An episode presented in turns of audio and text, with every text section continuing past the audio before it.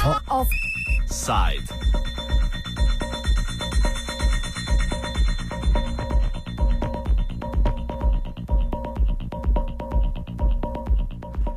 Na primorskem sušno obdobje traja že skoraj deset mesecev, ali drugače povedano, v jugozahodni pokrajini naše države že slabih deset mesecev ne poznajo konkretnih padavin. V skladu s tem je vode še manj, kot jo je bilo. Vzorec se ponavlja iz leta v leto, še več vzorec se potencira. Sušna obdobja so vsako leto daljša, vode pa je posledično vsako leto manj. Lokalna flora in fauna pa trpi. Razlog temu niso le podnebne razmere, ampak predvsem neustrezna politika na vodovodnem področju. Primorska investira v turizem, gradi golf igrišča, pozablja pa na oskrbo s pitno vodo. Za leto je finančnih sredstev zmanjkalo. Zakaj je temu tako in kako bo primorska regija prišla do vode v prihodnosti, smo povprašali Ireno Vrhovnik iz Kmetijsko-gospodarskega zavoda v Novi Gorici. Pri sami vodoskrbi nisem točno seznanjena, kakšne so točno potrebe in vem samo to, da je bilo že veliko planov, je v predaljih veliko tudi študij že narejenih za, uh, samo skr za večjo uh, oskrbo s pitno vodo za slovensko istro. Zaradi pomankanja finans je pa je to odpadlo. Uh, vendar zdaj postaja seveda toliko bolj aktualno, ko vidimo, da imamo tudi redukcije uh, in potrebe, kot ste že omenili, so vedno večje. Mislim, da moramo nekaj narediti tudi na tem, da ne bodo se potrebe povečevale, da bomo znali racionalno pristopiti, prav gotovo golf igrišča, ki potrebuje zelo veliko vode za namakanje, ne sodijo v en prostor, ker je oskrba z vodo že tako problematična. Najprej seveda treba zagotoviti vodo za uh, oskrbo prebivalstva, potem pa seveda jaz mislim, da je tako na naslednjem mestu uh, za kmetijstvo, ker mi nujno potrebujemo tudi hrano in vemo, da je samo oskrba s hrano v Sloveniji preveč nizka v svetu zaradi klimatskih sprememb je tudi veliko več kot v prejšnjih obdobjih izpadov pridelave in to pomeni, da ne bomo mogli kar tako uvažati in je še toliko bolj pomembna potem samo skrba s hrano. In v slovenski istri samo za kmetijstvo za ohraniti tisto proizvodnjo, ki jo nekako že imamo, ne za povečanje, zato da bi zagotavljali zanesljivo pridelavo in neko gospodarno pridelavo, bi potrebovali eh, vodnih virov za cirka 2 milijona kubikov. To pomeni 2 milijona kubikov približno eh, akumulacij za vodo, eh, nekaj mogoče tudi vrtin, zato da bi lahko namakali tako zelenjavo, ki najbolj potrebuje namakanje in sadje, in pa tudi vinograde, olčnike. No, pa, a mi lahko še malo obrazložite nadalje uh, v odnosu do, držav, uh, do državnega nivoja, s kom so potekala uh, ja. ti pogovori? Ja. Plani so bili že pred dvemi, tremi desetletji narejeni. Mi smo imeli tudi uh, nacionalni program namakanja, v katerem je bilo predvideno, da bi se zgradilo kar nekaj akumulacij in seveda poleg akumulacije še primarni vodi, ki bi zagotavljali uh, vodo uh, do nive za posameznega kmeta. Potem pa, kar se tiče samih namakalnih uh, sistemov, bi si kmet pa naredil te namakalne sisteme lahko tudi z lastnimi viri ali pa z delno pomočjo občine države. Vsekakor je pa um, skupen projekt ki uh, ne more biti speljan niti na lokalnem nivoju, ampak mora biti na državnem nivoju, to, da se zagotovijo akumulacije, vodni vir za namakanje. No in uh, ni problem študij, problem je samo v tem, da se še enkrat usedemo po dveh desetletji ali pa še malo več za pogajalsko mizo in sicer to kmetici, uh, upravljalci voda, Eh, naravovarstveniki, mogoče mm, še kakšni, ki uh, bi premleli še enkrat in z različnih vidikov potem pogledali vse te že predlagane uh, akumulacije, tako da bi potem se odločili, katere bi bile najbolj primerne, da jih udejanimo. Zagotoviti je potrebno seveda denar za to. Uh, vemo, da je tukaj na tem področju zdaj pač uh, mal težko, ne? ker z denarjem so zdaj velike težave, ampak mislim, da to mora biti prioriteta, glede na to, da je prehranska varnost nekega naroda strateškega pomena za uh, samostojnost in dobro prosperiranje. Res je. Pogovarjali pa smo se tudi z biologom, aktivistom in še kaj eh, Antonom Komatom, ki nam je povedal več o tem, kako ohraniti vodo v pokrajini. Uh, lejte, v Sloveniji smo edini tak projekt, tek mali, ki se je začel delati, se mi zdi bolj eksperimentalno, je v povirju reke Mure, uh, blizu Banovcev, tega zdravilišča. Tam smo so naši končno eksperimentalno naredili neke stranske rokave, da bi, da bi demonstrirali, kako ne bi to izgledalo. Uh, Avstrijci to počno in Nemci in Švicari v tem srednjeevropskem prostoru na veliko, torej rekam, vračajo vse tisto, kar, kar so nekoč imeli, kar je bilo odzeto, zato da ohranijo vodo v pokrajini. To je ključen recept, da se prebijamo iz tega, z te nevarnosti uh, kronične suše, ki je lahko resnično katastrofalna. S tem obrazom kmetijske, torej na začanje pridelave hrane in tudi uh, zelo pitne vode, ki jo rabimo pač za oskrbo vodovodov.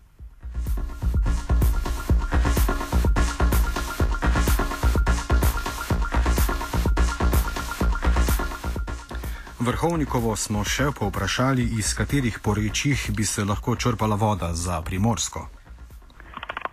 Ja, tu je bilo narejenih več različnih predlogov. E, eno je bilo e, to, kar bi lahko se naredilo še kakih mehkih jezovtili na različnih vodotokih, še dodatno, kar je na Rižani že narejeno, lahko bi tudi mogoče na drugih vodotokih, kot je Dragonja Drnica. Potem je pa več akumulacij predvidenih tukaj. E, in sicer uh, so bile to manjše akumulacije, ki so bile po 100 tisoč uh, do, do milijon kubikov največ vode predvidene v sami slovenski istri. Nekaj bo pa za vodno skrbo predvideno tudi ta, na uh, tem ilirsko-bištrskem področju. Uh, zdaj vseh imen si jaz nisem zapomnila, um, so pa to uh, dokumenti, ki jih je možno nekako um, dobiti in tudi uh, o vseh teh predlogih uh, se strokovno dogovoriti. Jaz sem imela eno študijo tukaj, ki sem jo zdaj posodila od um, gospoda pokojnega zdaj že Lucena Korve, ki je uh, vse te predloge tudi podal na Ministrstvo za okolje, takrat na Ministrstvo za kmetijstvo, na občine, naše službe, svetovalni dostavo. No in to je bilo, mislim, da že leta 2003 ali nekaj takega. Uh, zdaj tega klele pri sebi nimam, tako da ne moram zdaj vseh teh imen z glave našteti. Uh, je pa uh, sigurno tudi še nekje na Ministrstvu za kmetijstvo uh, študija nacionalnega projekta namakanja, ki ni narejena, kot kar jaz vem, samo za Slovenijo, ampak samo za slovensko istro, ampak za celotno Slovenijo. Ker nimamo samo mi probleme z vodnimi viri, ampak jih imajo tudi drugot. Uh, mi imamo sorazmerno veliko vode lahko ki nam steče v morje ali pa nekam naprej v neko drugo državo, pa pa od tam naprej v morje. In sigurno bi to vodo bilo smiselno v obdobju, ko je več padavin, zadržati v akumulacijah, da bi jo imeli za namakanje v sušnem obdobju. Ob pomankanju padavin v rekah nastajajo tako imenovani prazni rečni rokavi, ki vplivajo tudi na primankljaj vode v podtalnicah. Več o tem komat.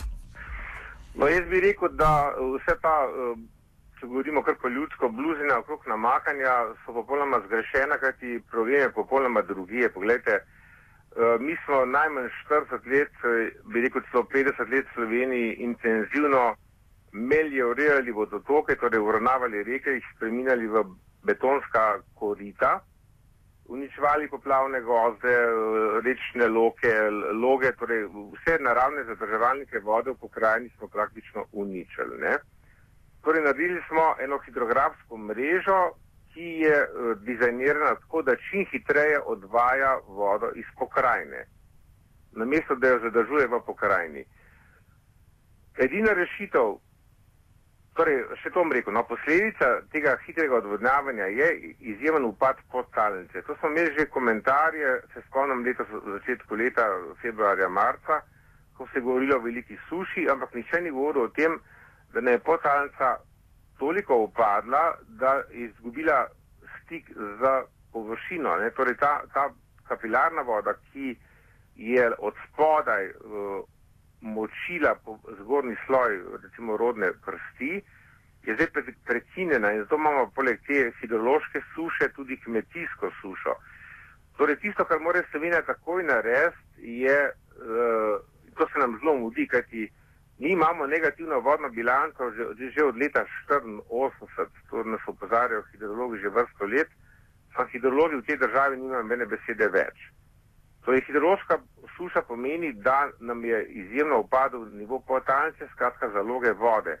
In zato je Slovenija sedaj že v sredini ali pa v, v največji dinamiki vodnega stresa. Vodni stres pa prinaša in poplave, in sušo, in upad potalnice. Torej, edina rešitev je, da rekam takoj, ali pa čim prej vrnemo tisto, kar je nekoč bilo uh, rečno telo, torej poplavne gozde, stranske rokave, loge in loke, torej zadrževalnike vode v pokrajini. To je edina garancija, da ne bomo trpeli kronične dolgotrajne suše, ki je lahko katastrofalna.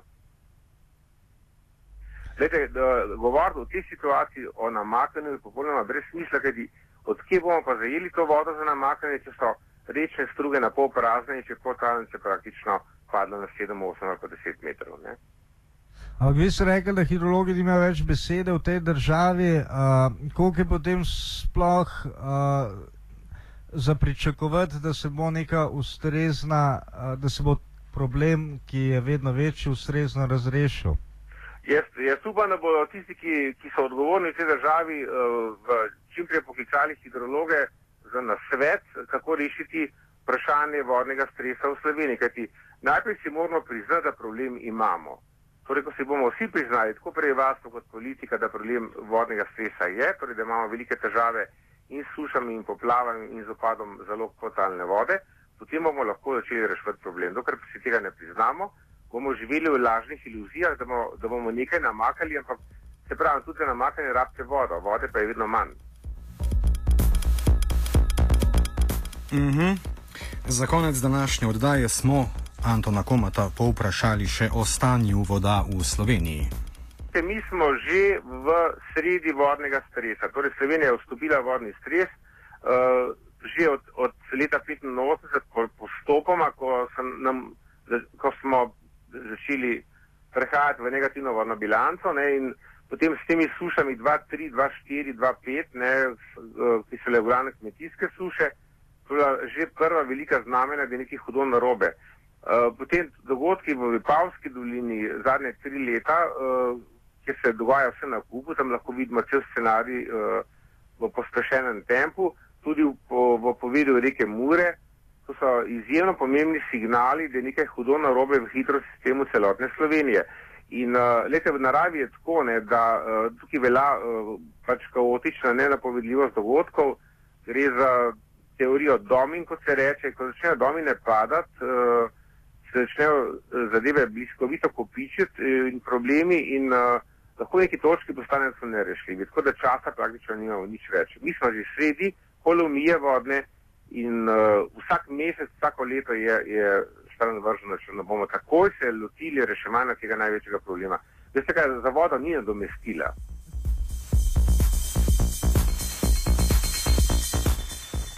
Važno, da je dreka dovolj. Offside sta pripravila Matej Jankovič in Marko Kraševec. Ta glas je prazen, mi gremo.